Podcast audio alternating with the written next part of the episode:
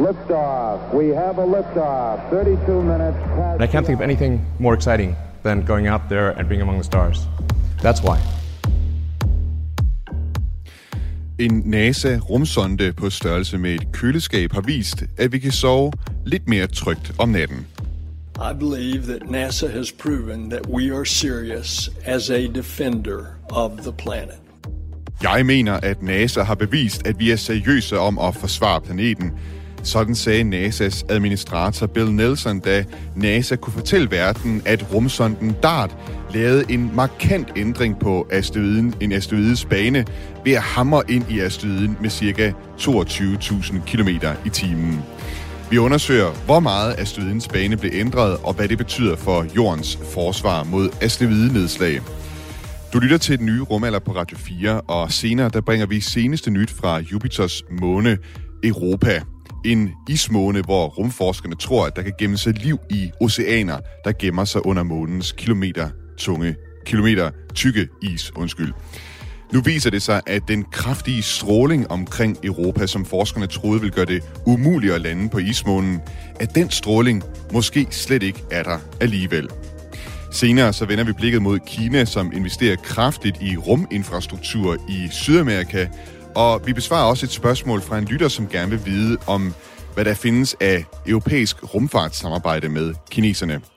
Du kan som altid sms ind til programmet med dine spørgsmål og kommentarer ved at skrive ind til nummer 1424. Skriv også gerne, hvad du hedder og hvorfra i landet du sender din sms. Mit navn er Thomas Schumann. Velkommen til den nye rumalder. Discovery, go at throttle up. Zero G, and I feel fine. Capsule is turning around. Tranquility Base here. The Eagle has landed. For lidt over to uger siden smadrede NASA's rumsonde DART ind i asteroiden Dimorphos. And we have impact. Ja, normalt så er det faktisk ikke noget, øh, folkene hos øh, NASA fejrer, at man smadrer en rumsonde ind i, et, øh, i en planet eller en asteroide. Men der var altså øh, mening med fejringen her. DART-missionen, som øh, står for Double Asteroid Redirection Test, den skulle vise, hvor meget man kan ændre på Dimorphos' kredsløb rundt om den noget større asteroide Didymos ved at hamre DART-rumsonden ind i Dim- Dimorphos. Og med, og, altså på den måde altså også demonstrere en teknik, som kan hjælpe os, når en dag vi opdager en asteroide, der har kollisionskurs med jorden. Og øh, siden det her sammenstød, som øh, DART rumsonden lavede med Dimorphos, så har forskerne regnet på, hvor meget Dimorphos' bane er blevet ændret. Og tirsdag, der kunne NASA's administrator Bill Nelson altså fremlægge resultatet. The team has confirmed that the spacecraft's impact altered Dimorphos orbit around Didymos by 32 minutes. NASA's administrator Bill Nelson han fortæller her, at DARTs sammenstød med Dimorphos ændrede asteroidens bane med 32 minutter. Altså den tid, det tager Dimorphos at kredse rundt om asteroiden Didymos, er altså blevet reduceret med lidt over en halv time. Line Drube, velkommen til den nye rumalder. Mange tak. Jeg sige, du er efterhånden øh, fast gæst i programmet, når det handler om øh, DART-missionen her. Du er Ph.D. på DTU Space, og så har du været med i en rådgivende gruppe hos FN, hvor I har set på truslen fra asteroider. En ændring på øh, 32 minutter i øh, Dimorphos' omløbstid rundt om øh, Didymos. Hvor opsigtsvækkende er det resultat for dig? Jamen, det var... Altså, det er den høje ende, ende af, hvad man forventede. Man havde lavet beregninger i, hvor, hvor meget man regnede med, det kunne, det, det kunne være. Øh, og, og usikkerheden i det her er, hvor meget materiale, der bliver skudt af overfladen. Altså, når du rammer ind i en asteroide, så giver du den en vis skub bare ved den hastighed og den masse, du kommer med. Men hvis du så oven i købet smider en masse materiale op, altså når du rammer ind, så kommer der alt det her ejecta ud, materiale, der bliver skudt af overfladen, det giver faktisk et endnu mere skub på grund af impulsmomentbevarelse. Øh, og man var lidt usikker på, hvor meget materiale der vil blive skudt op. Og man havde derfor beregnet, at det skub, man ville give den, og derfor den ændring i den bane omkring hovedasteroiden, vil være imellem et par minutter til sådan en halv time eller deromkring. Så det her, det var virkelig i den høje ende. Altså, det var, det var meget overraskende. Det, det er en, uh, overraskende, et overraskende resultat, at det var så meget, man fik ændret uh, banen med. I, på en måde, altså da jeg så nedslaget, og, der, og så, hvad hedder det, de her billeder, både fra Lucia, øh, CubeSat'en, der fløj forbi og tog billeder af det, men også fra, fra um, teleskoperne Hubble og James Webb-teleskopet, der kunne man se, hvor meget materiale der faktisk blev skudt af. Og der tænkte jeg, det, vi må være i den virkelig høje ende, så, så jeg var så overrasket var jeg nu heller ikke. Men øh, det, det er øh, ja, det er godt at vide øh, til beregningerne, mm. at øh, det er den retning, vi skal gå, hvis det er en, en grusbunke af stryde, som det her var. Øh, du talte om det her øh, materiale, som også øh, bliver skudt af, og det kan have en effekt på, hvor meget man egentlig ændrer asteroidens øh, bane med. Er det det, der er forklaringen på, at det blev øh, med så mange minutter, at man ændrede Dimorphos' bane? Ja, ja, det er bare, hvor, hvor meget materiale, der blev skudt af. Altså fordi hver eneste lille sten, der flyver af overfladen, den har en masse og en hastighed, og det vil sige, at den har et impulsmoment. Øh, og det er bevaret. Det vil sige, hvis den ryger i den ene ende, i den ene retning, så den samme impulsmoment vil skubbe asteroiden i den modsatte retning. Så derfor, altså jo mere masse der kommer af, jo mere skubber man til den. Så det her, der, der var virkelig meget masse, der var flot af. Øh, jeg vil opfordre lytterne, som godt kunne tænke sig at få syn for sagen, og gå på øh, øh, nettet og google øh, Dimorphos og, og DART øh, og Impact måske også. Så tror jeg, man finder alle billederne her. Man kan øh, dels se de billeder, der er taget fra DART-missionen i, i sekunderne øh, op til, at den simpelthen hamrer ind i det. Og så nævnte du også, øh, Line Drube, altså billeder, der er taget med Hubble-teleskopet og andre teleskoper også, hvor man kan se, at DART øh, nu, altså, eller undskyld, øh, Dimorphos øh, og Didymos altså nu ligner en komet, fordi der simpelthen er blevet skudt så meget øh, materiale af overfladen. Øh, det her resultat, øh, 32 minutter, betyder det så, at vi er bedre stillet i forhold til at afværge asteroider, der har kurs mod jorden? Altså den her metode, som det hedder den kinetiske impact-metoden, øh, hvor man bare rammer ind i asteroiden og derved skubber den, ændrer dens bane. Altså den har vist sig, at den er i hvert fald meget mere effektiv, end man forventede. Men en ting, man også lige skal tænke på, det er, at alt det her materiale, der nu bliver skudt af asteroiden, altså hvad sker der med det? Øh, altså fordi en ting er, at man ændrer banen, men, men nu kommer der en hel masse løse partikler rundt, øh, og det, det er også noget, man skal kigge på her i fremtiden af, om, om det her er en god metode, når man så muligvis ikke har styr over alt materialet bagefter. Kunne man men sidst... altså små... Ja, kunne man komme til at skabe ja. et større problem i virkeligheden, ved at skyde alt det her materiale af? Men det kommer an på, hvor lang tid i forvejen du gør det. Altså det fordi hvis man siger, at man, det man prøver at gøre, når man ændrer banen, det er, at man ændrer dens hastighed. Så det her det er et lille forsøg, hvor man ændrer banen på en måne rundt om, om en hovedasteroide. Men normalt så ændrer man jo øh, altså banen af en asteroide rundt om solen. Altså det her det var bare en lettere måde at, at måle det rigtig præcist øh, og har samme effekt. Men normalt vil man jo ændre den rundt om solen. Og der, øh, når man så ændrer hastigheden i banen, det gør, at hvis man hvad hedder det, gør, den, øh, gør den langsommere i sin bane, så forventer man, at der, hvor den ellers vil ramme jorden, så vil den komme flyve direkte forbi lige bagefter jorden. Øh, eller hvis du rammer den, så den øh, bliver hurtigere, så vil den flyve forbi lige foran jorden, altså lave sådan en flyby, mm-hmm. en tæt flyby. Og hvis man nu siger, at man laver en tæt flyby foran jorden, men du har en lang hale af materiale, øh, så forhåbentlig er ingen af stykkerne særlig store, men, men ellers vil de jo ramme. Altså, så, så er der en længere hale, som rent faktisk kan ramme jorden. Så det kan godt være, at man vil få nogle ildkugler. Altså hvis man, hvis man speeder den op, så den laver det der flyby foran, at man vil se nogle ildkugler på, på dagen, hvor den flyver forbi. Det vil, fordi at vi kommer igennem halen i stedet for. Det og det, det er noget, man skal overveje, om, ja det kunne blive måske nogle meget flotte stjerneskud, eller, eller eventuelt øh, en katastrofe, hvis det er, de der stykker de er tilstrækkeligt store. Øh, Line Drube, hvad er øh, det næste skridt? Øh, altså det, det er jo den første test, man egentlig har lavet af sådan en metode her. Hvad, hvad har rumfartagenturerne sådan i støbeskeen af andre ting, øh, man vil gøre for at, at øge vores forsvar mod asteroider? Jamen altså det første, der sker, det er, at, at øh, ESA har den her Hera-mission, som tager op her med et par år, for at undersøge selve Didymos-systemet rigtig godt, og se, hvad der er sket, øh, og så også måle deres masse og deres struktur og sådan noget, for at vores computersimulationer bedre kan beregne, at, at når systemet er sådan her, så får vi det her resultat. Øh, og det er jo det, altså man skal jo have ground truth for computersimulationer. Så indtil videre, det eneste ground truth, man har haft til de her computersimulationer, er sådan nogle små eksperimenter i laboratorie, du ved, på 10 cm og med en lille kugle, der ryger ned i. Så det her det er det første store, øh, altså rigtige størrelse forsøg ude i universet. Øhm, og det, det vil jo hænge, det vil kunne jo uh, altså, fund, uh, lave ground truth på de her uh, modeller. Men jeg, jeg så gerne selv, at vi også testede med i den, en asteroide i den modsatte ende af spektret. Det her det er jo sådan en, en løs samling sten, øh, rubble pile, eller en grusbunke asteroide.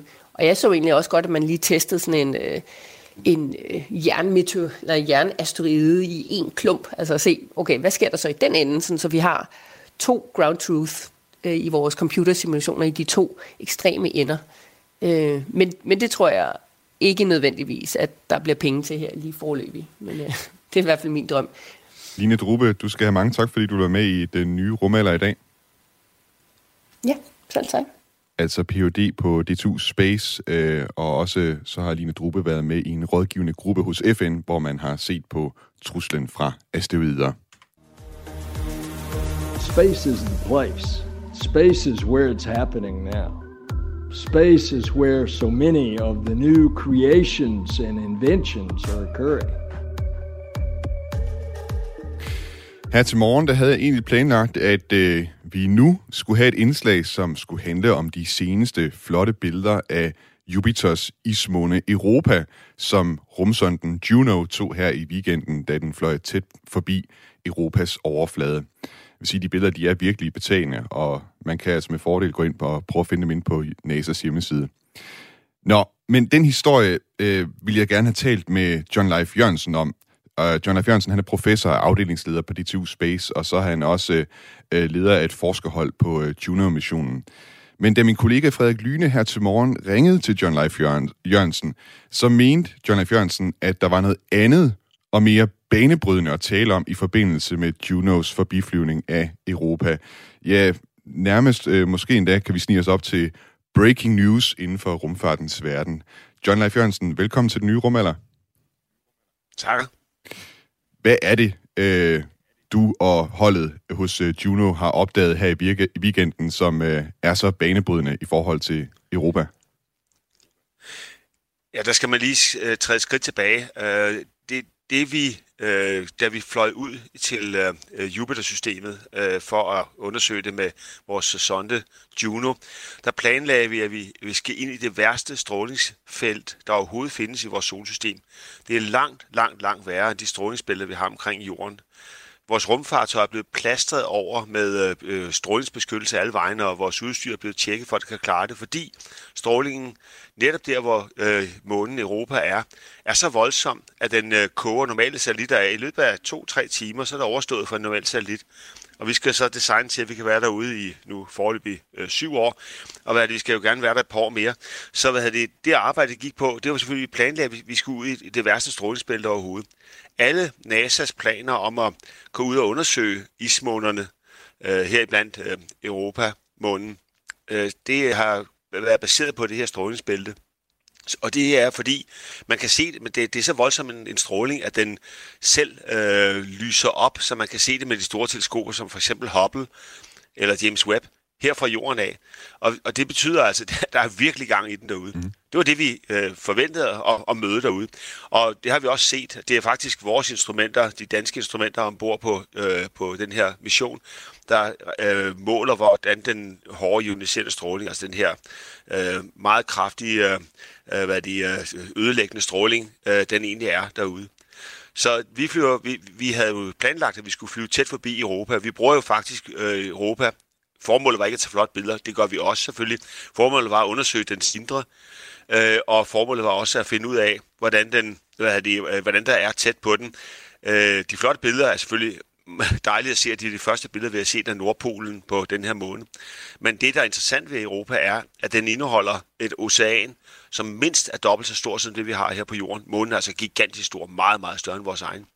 Og øh, det, der er øh, pointen her, det er, at hvis vi kan, hvad de, øh, altså, hvis der er frit vand og der er masser af energi, som der er altså på, på Europa, så er der sandsynlighed for liv, der øh, den er også kolossalt stor. Og det er faktisk det sted, som næsten alle forskere er enige om, at øh, hvis der er liv andre steder i vores solsystem end på jorden, så er det der. Derfor så vil vi selvfølgelig gerne tæt på. Og så er det, da vi flyver ind, der kan vi se, at vi, vi kan høre det knitre og brager i strålingen. Og det, altså, det er kun lige med nød og næppe, at vi kan holde fast med vores instrumenter, at vi kan måle, hvor kraftig stråling er, fordi der er så meget gang i den. Og når vi så begynder at nærme os månen, så pludselig begynder den her sådan, øh, stråling at dø ud. Og den bliver så sværere og sværere, og da vi er tættest på, så er der intet tilbage. Altså som her nede ved jordens overflade. Absolut intet. Og når vi så kommer ud på den anden side, så stiger det op igen. Det var en overraskelse. Det var ikke det, vi havde forventet. Vi havde, alle havde forudsagt, at det bare skulle hylde og brage, når vi kom tæt på der. Øh, og derfor har man ingen nogensinde planlagt om at lave en lander på, på, på den her måne. Til trods for, at det er den eneste måde, vi kan kigge efter liv på. Månen er dækket af et tyndt lag is. Der er 200 grader koldt derude.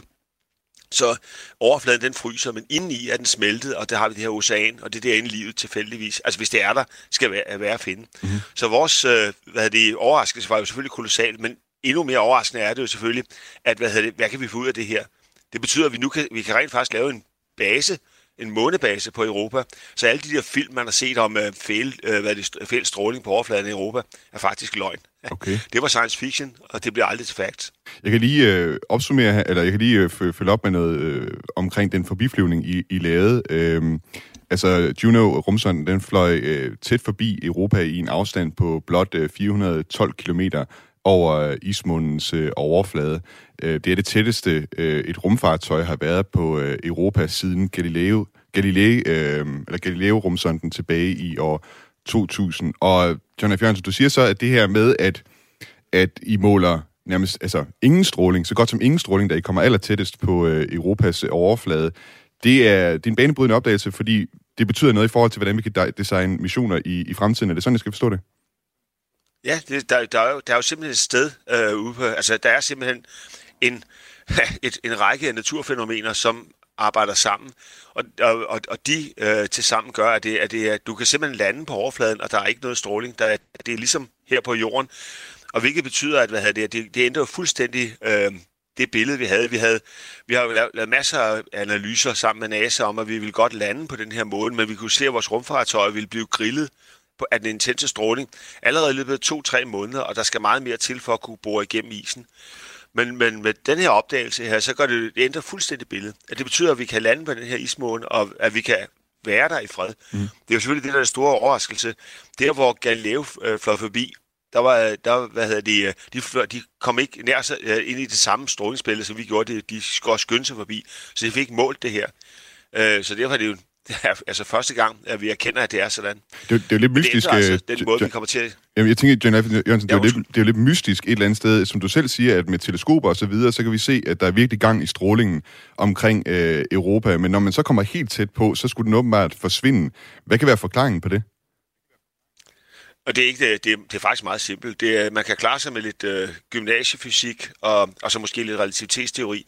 Så, hvad det, så, så er det helt åbenlyst. Altså alle, da vi præsentere det her for hinanden. Uh, vi har sådan en science-møde, hver gang vi har uh, flot, uh, været for, forbi Jupiter her. Så hvad det, uh, sad alle og sagde, gud fri mig vel, hvorfor har vi været dumme? Altså, hvorfor har vi ikke indset det her før? Men, men sådan er det jo altså med moder natur. Ikke? Og så det, det, det drejer sig om, er selvfølgelig, at månen selv uh, er i stand til at få, få, hvad de, det, få stoppet strålingen, øh, sådan så at den øh, beskytter sig selv. Det er egentlig meget skægt, men øh, nu har vi lært det. Vi har et øh, spørgsmål fra en lytter, øh, der hedder Claus, som spørger, om Europa har sit eget magnetfelt. Og jeg går ud fra, at det, det Claus mener med det, er også, om det er et magnetfelt, der gør, at øh, der ikke er stråling så tæt ind omkring Europa. Ja, det, det var jo, hvad havde det, altså, det, det var faktisk en af formålene med, at vi fløj så tæt forbi, det var at finde ud af, om der var en lille bit smule magnetfelt, fordi vi har lige fløjet forbi øh, noget, for noget tid siden den anden måne, der ligger længere ude, øh, Ganymedes, og det er, jo, det er jo så solsystemets største måne. Den har faktisk et ret kraftigt magnetfelt selv. Øh, den er i hvert fald sammenlignende samme størrelsesorden, som det Jupiters magnetfelt er, der hvor månen er. Men her, den er totalt passiv. Der, var ikke, der er absolut ikke noget magnetfelt, som vi kunne se. Vi kan til gengæld selvfølgelig se øh, øh, altså alle de sædvanlige fænomener, men også her ved jorden med feltindrettede strømme, som, som bliver fanget af, af Jupiters øh, magnetfelt. Men der er absolut ingen magnetfelt fra månen af. Så det vil sige, det der er, det er ren og skær øh, øh passiv, øh, ligesom klumpjern ville have det ved forhold til et magnet. Jeg skal lige forstå, uh, John F. Hansen, nu sagde du før, at, at det, det kræver bare lidt uh, gymnasiefysik og lidt relativitetsteori at forklare, hvorfor det er, at der ikke er nogen stråling helt inden tæt ved Europa. Og så må jeg indrømme, så tager vi måske lidt tråden der, måske fordi jeg ikke var så god til fysik i, i uh, gymnasiet. Kan ja, du... jeg, jeg, jeg, måske skal jeg vente med at, til at publicere det her i Science eller Nature, fordi det er jo det, hvad det, det, er, det er lidt, altså, det er jo lidt overraskende, at, at folk i, i 40 år har gået rundt og, og fortalt hinanden, at det her, det, altså øh, stråling på overfladen af den her måne, den er absolut dræbende for alt, mm. altså også elektronik, også, også andre materialer, de bliver skudt i stykker.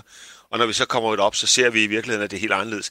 Jeg, jeg, lad mig give mig lige tid til at publicere det først. Ja, Selvfølgelig. Dataen er ikke mere end en uge gammel. Nej, det, det, det leder mig egentlig også meget godt videre til øh, et spørgsmål, man jo altid skal stille med sådan noget her. Det er netop, hvor, hvor sikker I overhovedet er på den data, I har, at, at det indikerer de ting, som, som I, I, tror, det, det indikerer.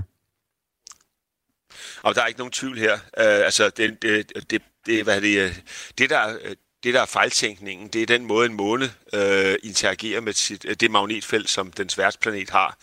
Det er den, det er den fejlslutning, vi alle sammen er, er lidt ind i. Altså, bare for din, for din lytters øh, interesse, så lad mig, lad mig fortælle, det, det, er, det er ret komplekst, men lad mig, lad mig give dig følgende. Månen, øh, Europa, drejer rundt omkring øh, Jupiter, øh, ligesom vores egen måne gør det omkring Jorden. Øh, og øh, den bevæger sig ret hurtigt rundt. Det er kun øh, en, en lille uges tid om at komme hele vejen rundt. Men det, man skal se på, det er, at øh, Jupiter selv er meget anderledes end Jorden. Den virvler øh, rundt om sin egen akse. Den er, øh, den er faktisk kun 10 timer om sådan en hel rotation. Det betyder, at øh, magnetfeltet fra øh, Jupiter faktisk indhenter månen. Og det betyder, at den skubber øh, det plasma, øh, den, de, de ioniserede gasser, der er øh, derude, hvor månen er, foran sig, sådan så at øh, borgbølgen, øh, eller undskyld, hækbølgen på skibet er faktisk foran. Det, det, det, det, det, det billede, man skal have af sig. Og det, det er det øh, miljø, de her partikler, de bevæger sig i. Så det, det er faktisk ikke så... Altså, jeg kan godt forstå, at folk tager fejl af det, øh, hvordan det arter sig. Mm. Jeg, tror, jeg bliver nødt til at, at, at læse hvad hedder det, resultatet, når du får det offentliggjort, John F. Jørgensen. Øh, så, Jamen, altså, det, så, så kan det, jeg holde. Det, det er så simpelt, at det kan, det er simpelt, men, det, men det, du ved, det er bare så ærgerligt, at man tænker bagefter, nej, hvor har jeg været dum. Og det værste er, at her sidder vi med verdenseliten. Altså det er virkelig, det er de folk, der har, samme folk, der har lavet sonderne ud til, til, øh, til, øh, til, til, til Saturn og til, øh, hvad hedder det, hvad hedder det Pluto og til, til, til Merkur og til Venus og til Mars, og det, det er de folk, og så sidder vi der alle sammen og siger, nej, for pokker der hvad. Altså, men sådan er det jo. Mm, det er meget spøjs. Det er meget spøjst et eller andet sted, at du har en mission som Juno, der jo egentlig er designet til at, at undersøge øh, primært øh, Jupiter, at den så laver sådan nogle øh, opdagelser her omkring ismånen Europa. Hvordan kan det egentlig være? Ah, det kommer så af, at øh, når NASA laver en mission, som for eksempel altså øh, Juno her, så, så, så beder de så om at love på, altså hvad, hvad alt er os kært, hvor meget vi kan klare. Og, og det, da vi ikke helt ved, hvad vi møder, så øh, er vi alle sammen meget forsigtige. Så vi giver NASA, vi lover, om vi kan klare det og det og det. Vi kan for eksempel finde ud af, om har Jupiter en kerne? Det har den ikke. Den er gået i opløsning, så ved vi nu.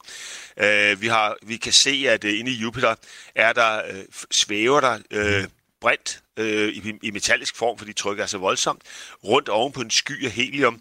Og helium selv, den opløser sig fuldstændig ligesom regn øh, i vores atmosfære, og så, så har vi heliumregn, der regner ned igennem sådan en brændende atmosfære. Du ved, sådan, det er voldsomt sært, ikke? Men det lovede vi, at det, det skulle vi nok klare. Men øh, så, da det så viser sig, at vi rent faktisk øh, virker til, øh, og, og vores udstyr virker så godt, at vi stadig kan tåle at overleve strålingen, det var et andet problem. Vi vidste ikke, hvor voldsomt det ville blive. En af vores andre opdagelser, vores, altså DTU's, er jo, at strålingen derude ikke er så voldsom som tidligere antaget. Øh, og det, øh, den kalibration, der er vi oppe at slås med ham, øh, Nobelpristageren øh, Van Allen, som jo hvad det ikke kan forsvare sig, fordi han jo er gået bort.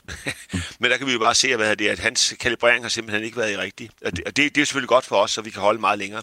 Så vi får lov til at flyve længere, og det betyder, at vi så også kan planlægge de her forbiflyvninger om månederne.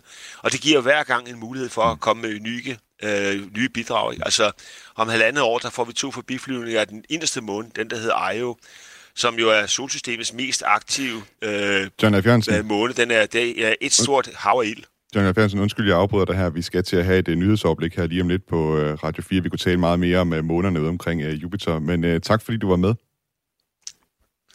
Du er så velkommen. Altså professor, afdelingsleder på DTU, og så leder af et forskerhold på uh, Juno-missionen. Om lidt skal vi på den nye rumalder se på Kina og nogle investeringer, de laver i ruminfrastruktur i Sydamerika. Nu er der nyheder på Radio 4. Tranquility Base here. The Eagle has landed. I believe our future depends powerfully on how well we understand this cosmos in which we float like a mote of dust in the morning sky. Kina investerer i ruminfrastruktur i Sydamerika, og det skaber bekymring hos amerikanerne, for det viser, at kineserne har planer om at blive en førende rummagt. Det dykker vi ned i om lidt, og senere så taler vi faktisk øh, endnu mere om Kina.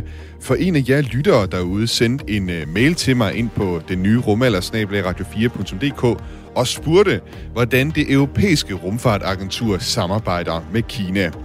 Det har vi fået øh, en repræsentant fra det europæiske rumfartagentur til at svare på, og det svar, det kan du høre senere. Du kan som altid sms ind ved at skrive ind til nummeret 1424 med dine spørgsmål og kommentarer. Skriv også gerne, hvad du hedder. Mit navn er Thomas Schumann, og du lytter til den nye rumalder på Radio 4. Houston Discovery, go ahead. Discovery, go at throttle up. And Discovery Houston, we've got a good picture of Steve. Roger roll, Discovery.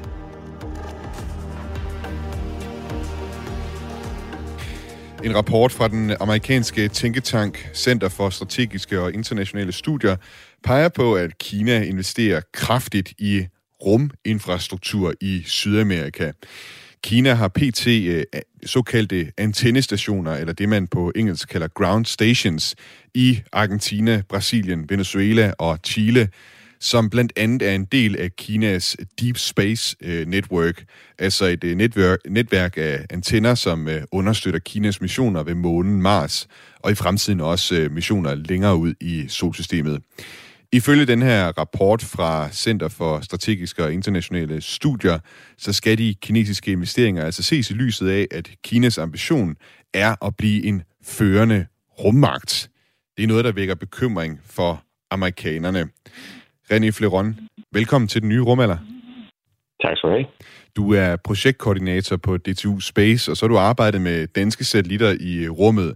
Faktisk så lærte jeg dig at kende øh, på en øh, rumkonference i øh, Sydamerika, eller ikke helt Sydamerika, det var i Mexico godt nok, men du ledte altså efter en antenne på den her konference, en antenne, der, der stod i Sydamerika, som altså kunne tale med en satellit, som du havde mistet kontakten med.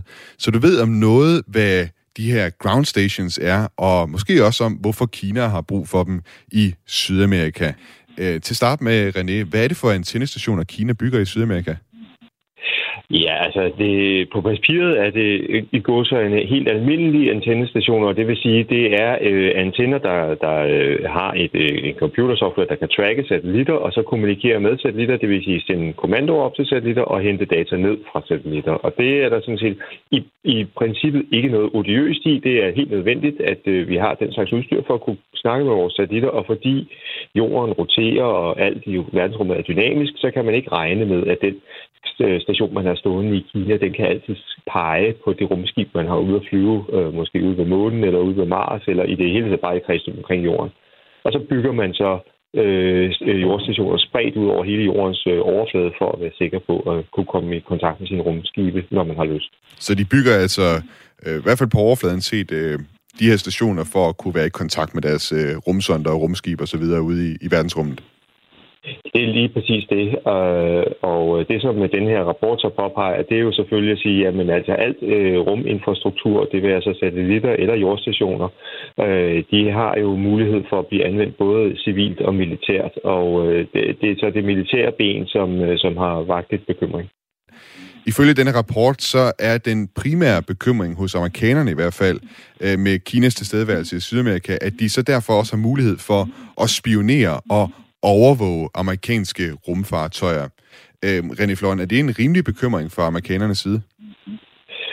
Ja, det kan man jo godt øh, øh anfælde, fordi altså, øh, der er jo ingen tvivl om, at amerikanere og kinesere, eller hele den vestlige verden, og Kina er jo sådan set øh, konkurrenter, og øh, der er jo god grund til at prøve at finde ud af, hvad de andre laver, så skal man jo ikke selv øh, måske opfinde den dybe tallerken, eller det hele taget bare holde øje med, med, med sine modstandere og konkurrenter her i verden. Og, og Kina har jo i, i mange år haft, øh, hvad skal vi sige, sådan nogle øh, skubbet ind under gulvtæppet øh, øh, øh, lytte stationer, så de, de placerer phd studerende rundt omkring på øh, verdens universiteter med penge med hjemmefra, og det er jo meget øh, uskyldigt, men det kan jo også være en måde at få noget information, som man gerne vil have på en snedig måde, og de har jo bredt TikTok ud til, til alle verdens unge, og, og der kan de jo også følge med i, hvad der foregår, og, og nu bygger de så også ruminfrastruktur, så de kan i princippet i hvert fald øh, bare øh, lave den øh, forskning og, og udvikling af rumteknologi, som de gerne vil, men også, hvis de vil, forsøge at lytte efter, hvad laver øh, de andre, og de har jo bygget de her øh, øh hvad hedder det, faciliteter og lukket dem af, sådan, så det kun er kinesere selv, der har adgang, øh, selvom de står i fremmede lande. Man kunne jo godt øh, også øh, vende den om og så sige, jamen, har, USA har jo også den her slags stationer rundt omkring på hele kloden. Gør USA ikke øh, præcis det samme med også at bruge deres stationer til at spionere på ting ude i øh, verdensrummet?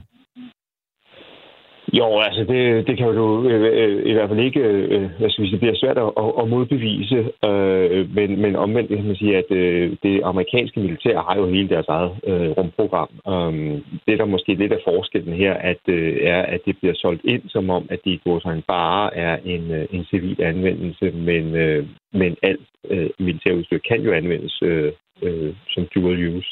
Og øh, det amerikanske militær har jo været meget åben om at sige, at vi bygger et Space Force, og de har også øh, en masse militær øh, det, infrastruktur, som er øh, øh til rumteknologi, øh, og så har de et civilt spor øh, i form af NASA. Um, så de deler det noget skarpere op, og, og det, som jeg tror, der vækker bekymring her, er jo to ting. For det første, at, at, at amerikanerne er godt klar over, at Kina har ambitioner på, på rumområdet, og de er konkurrenter med, med, med den vestlige verden, og især med, med USA. Øhm, og så prøver de at pakke det ind, som at de går sådan bare er et civilt spor, hvilket, hvilket der måske ikke er alle det over øh, på, øh, hos, øh, hos amerikanerne, der tror på, at, at det er sådan, det er. Og, og det er jo så bakket op af, at, som jeg sagde før, at de sætter egen rundt om, og så siger, de øh, laver de aftaler med de lande, de, de bygger deres baser i, øh, eller øh, stationer i, at det er kun kineserne selv, der kommer på stationerne. Og så, så kunne det jo være oplagt at sige, hvorfor er det, altså hvis det, hvis det er forskning og, og, og teknologiudvikling, hvorfor, hvorfor er det så øh, formentlig adgang for, for landets øh, borgere, for, altså for argentinere eller chilenere på, på, på de områder der? Så man kan sige, for, for lige at opsummere, altså øh, forskellen på Kina og USA i det her, denne sammenhæng, det er, at øh, når man ser på NASA, så er det rent civilt. Der er ikke noget militær blandt ind i det. Der er rimelig skarp øh, hvad skal man sige, grænse fra NASA så til det, der hedder Space Force, som er den militære del af, af rumfartudnyttelse. Men når man kigger på Kina, øh, så det, de kalder civilt, det kan egentlig være øh, begge dele, det kan være sværere at, at, at trække grænserne skarpt, eller hvad? Ja, det er lige præcis sådan, det er. Og, og, og øh, altså det her, jeg vil sige, det, det er et spor, som jeg synes, man har set flere gange, som jeg nævnte før, så er der også andre teknologiområder, hvor kineserne har øh, øh, lavet noget, der på overfladen ser helt uskyldigt ud, som, og som sikkert også på det store dels vedkommende er det, men hvor vi bare ikke kan være 100% sikre. Der var også den her sag for nogle år tilbage om, hvorvidt Huawei skulle have lov til at lave øh, telefonknudepunkter øh, øh eller telefonstation, basisstationer i vestlige lande, og, og der var amerikanerne også meget bekymrede og sagde, jamen altså, de giver dem jo en bagdør ind Um, så, så man skal nok være opmærksom på de her udviklinger og så sige, at altså, hvis, hvis, hvis, hvis øh, teknologien kan bruges på en anden måde end, end, end umiddelbart offentliggjort, så skal man nok lige overveje, om det, om det vil ske, eller om det ikke vil ske. René Fleron, tak fordi du vil være med i den nye rumalder i dag. Velkommen. Altså projektmanager på DTU Space. Liftoff, the final liftoff of Atlantis on the shoulders of the space shuttle. America will continue the dream. Vi bliver ved det kinesiske rumprogram, for for nylig fik jeg en mail fra Louise Bisgaard, hvor hun skrev som følger. Hej, den nye rumalder. Tak for et spændende program. Mit ønske til emne er europæiske aktiviteter i forbindelse med den kinesiske rumstation. Tak for den uh, mail, Louise Bisgaard. Uh, og det emne har vi simpelthen uh, kastet os over. Jeg talte øh, for nylig med Karl Bergqvist. Han er ESA-administrator, altså administrator hos det europæiske rumfartagentur, for den afdeling, der handler om internationale forbindelser, og han har ansvaret for udviklingen af rumsamarbejdet med Kina. Karl Bergqvist, han er fra Sverige, så jeg, altså, da jeg lavede det her interview, spurgte ham altså på dansk, og han svarede på svensk.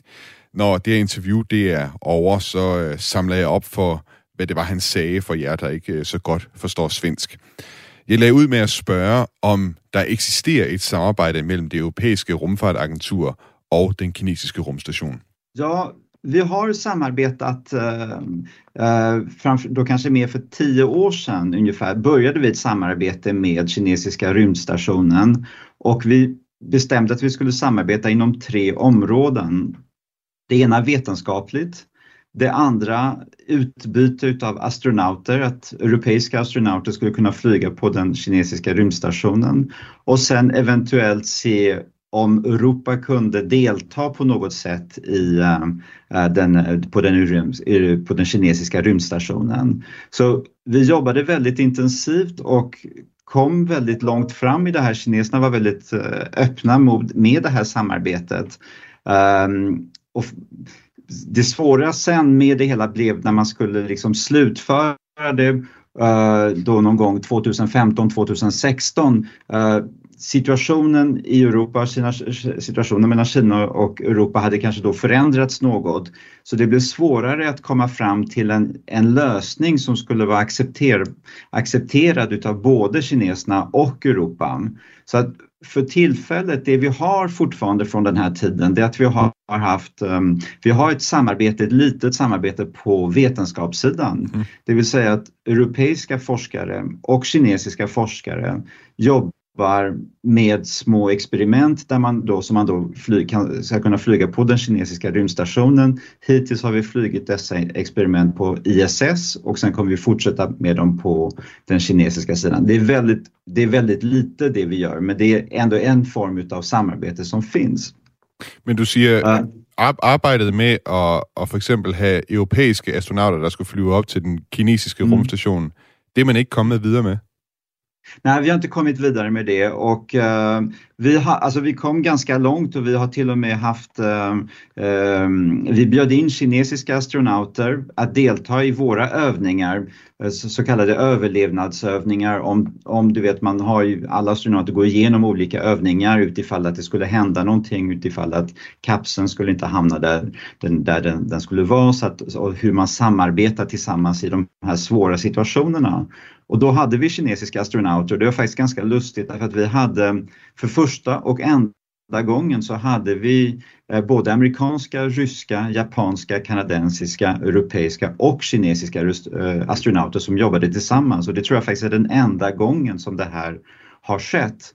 Och likaledes så blev, blev vi, eh, våra astronauter blev inbjudna till, till den kinesiska rymd, rymdprogrammet på deras sida att delta i deras övningar. Och då simulerade man att, att kapseln skulle hamna i havet och hur, vad skulle då, hur skulle astronauterna liksom, eh, ta sig fram på bästa sätt och, och, och, och göra det här i organiserad form. Så att vi har vi har haft ett väldigt, liksom ett ganska nära samarbete men vi kom aldrig till den här punkten där man kommer fram till okej, okay, uh, eh, nu har vi ett avtal och så, utan vi, vi, har, vi stannade upp där kring 2015-2016 och det, vi kom inte längre för att vi hade svårt att hitta liksom ett gemensam uh, överenskommelse för vad det skulle innebära att flyga en eh, europeisk astronaut på den kinesiska rymdstationen. Og hvad siger du, det var, der stod i vejen? Var det øh, geopolitik, altså forholdet mellem Europa og Kina, som forandrede sig sådan på andre områder?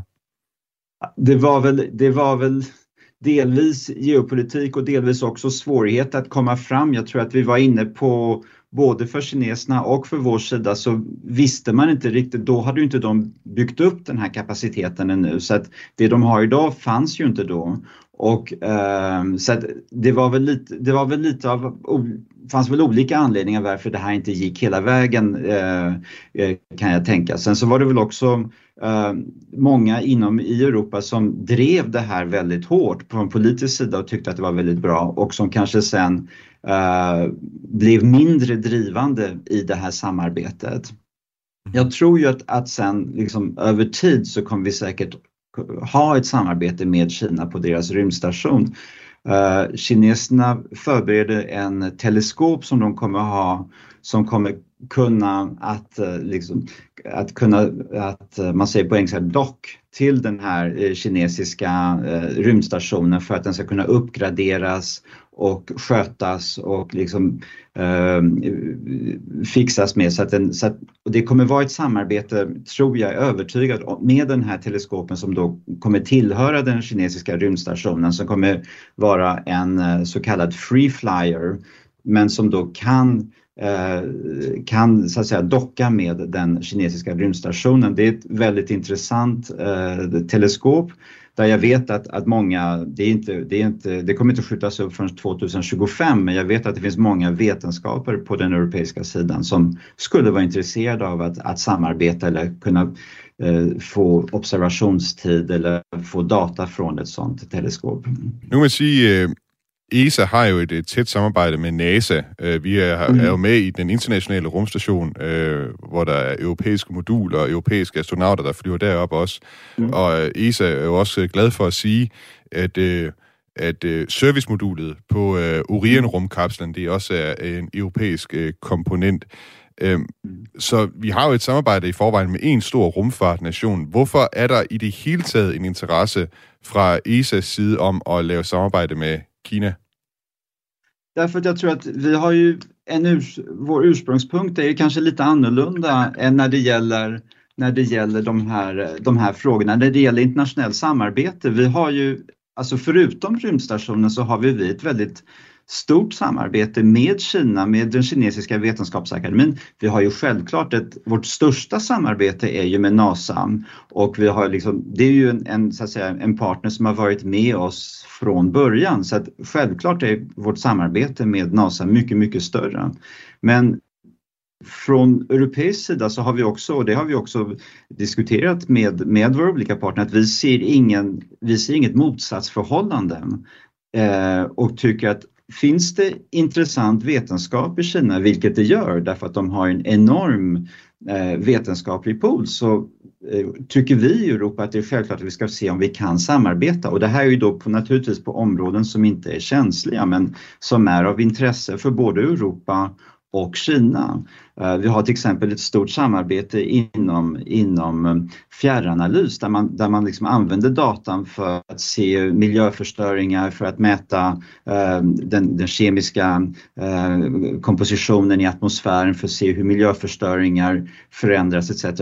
Och det är ju någonting som är lika viktigt i Europa som det är i Kina och om vi då för fram våra, de bästa europeiska och de bästa kinesiska samarbetena så, eh, vetenskaperna så har vi ju mycket större sannolikhet att kunna eh, komma längre i forskningen. Hvis vi kigger ud i fremtiden, hvor langt, hvor mange år ude i fremtiden tror du, det vil være, før man ville kunne se en europæisk astronaut och en kinesisk astronaut flyga sammen i rummet?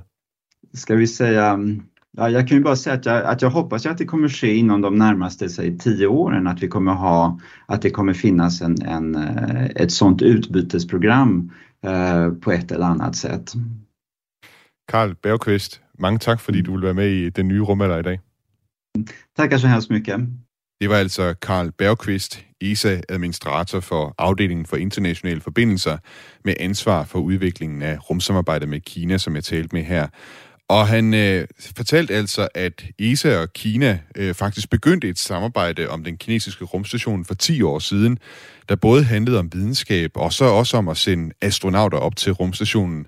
Man ville have fundet en ordning om at sende astronauter derop, men i sidste ende blev det ikke til noget, selvom man endda lavede fælles øvelser. Det var både geopolitik og uvidshed om, hvad man egentlig ville have ud af samarbejdet, som satte en stopper for det. Der er et begrænset samarbejde om at sende videnskabelige eksperimenter op til den kinesiske rumstation, og så er der i øvrigt øh, meget samarbejde om at lave jordobservation og overvågning af klimaet sammen med Kina. Karl Bergqvist han håber, at øh, europæiske og kinesiske astronauter en gang om måske 10 år en dag vil rejse sammen i rummet.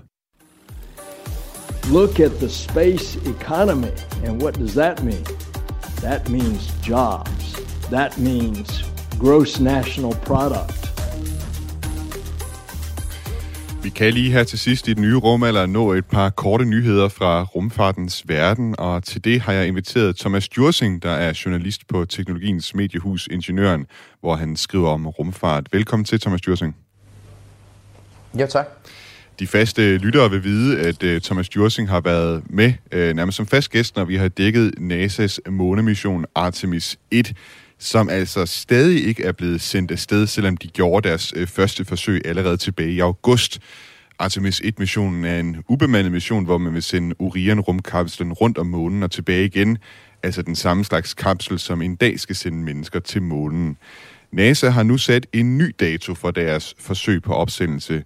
De regner med, eller de sigter i hvert fald efter den 14. november. Thomas Jursing, øh, når vi har talt om de her opsendelsesdatoer, så har jeg altid øh, spurgt dig om, hvor gode odds du øh, sætter på, at det vil lykkes for NASA. Så hvor, hvor gode odds har NASA for at lykkes med det den 14. november? Ja, det er jo altid så svært at sige, men skal vi ikke prøve at være optimistiske og sætte det til en 50 procent den her gang? Jeg synes, de... Øh jeg synes, jeg synes, nu har vi været igennem lækagerne, og nu har vi sådan en okay track record for, at det skulle kunne lade sig gøre, så...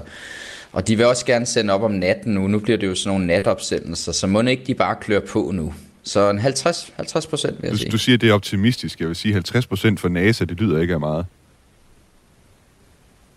Nej, men altså, jeg tror, hvis jeg skulle være ærlig, ville jeg nok sætte det lidt lavere. Det er ikke, fordi jeg ikke tror på, at de kommer op. Det er mere fordi, at vejret, altså, der er vejr, der spiller ind, og der, der er mange ting, der kan gå galt i sådan en opsendelse. Det har NASA jo også været meget ærlig om, og det så vi også, som vi har snakket om tidligere på rumfærgeopsendelsen, at det var ligesom the name of the game, at, at de bliver bare ofte udsat. Og det tror jeg bare, vi skal vende os til. Eller det skal vi vende os til. Har, har det nogen betydning, at det, det så bliver en opsendelse om natten, i stedet for en opsendelse om dagen? Det har de jo selv været, det var de jo selv en lille smule sådan bekymret for, om de nu vil vælge det opsendelsesvindue. Det synes jeg næsten er det mest bemærkelsesværdige, at de valgte alligevel. Det har jo noget at gøre med, at det er lidt sværere at track den, i hvert fald visuelt. Men altså selvfølgelig skal det kunne lade sig gøre. Det er jo også, når vi ser øh, de her Øh, os, der har siddet og fulgt med, hver gang de har fyldt brændstof på raketten og overvåget brand, øh, så, så, så, så kan man jo se kameraerne hele tiden køre rundt for at prøve at kigge efter, om der er nye lækager. Og det er klart, om natten er det ikke helt lige så optimalt, men de kan sagtens gøre det.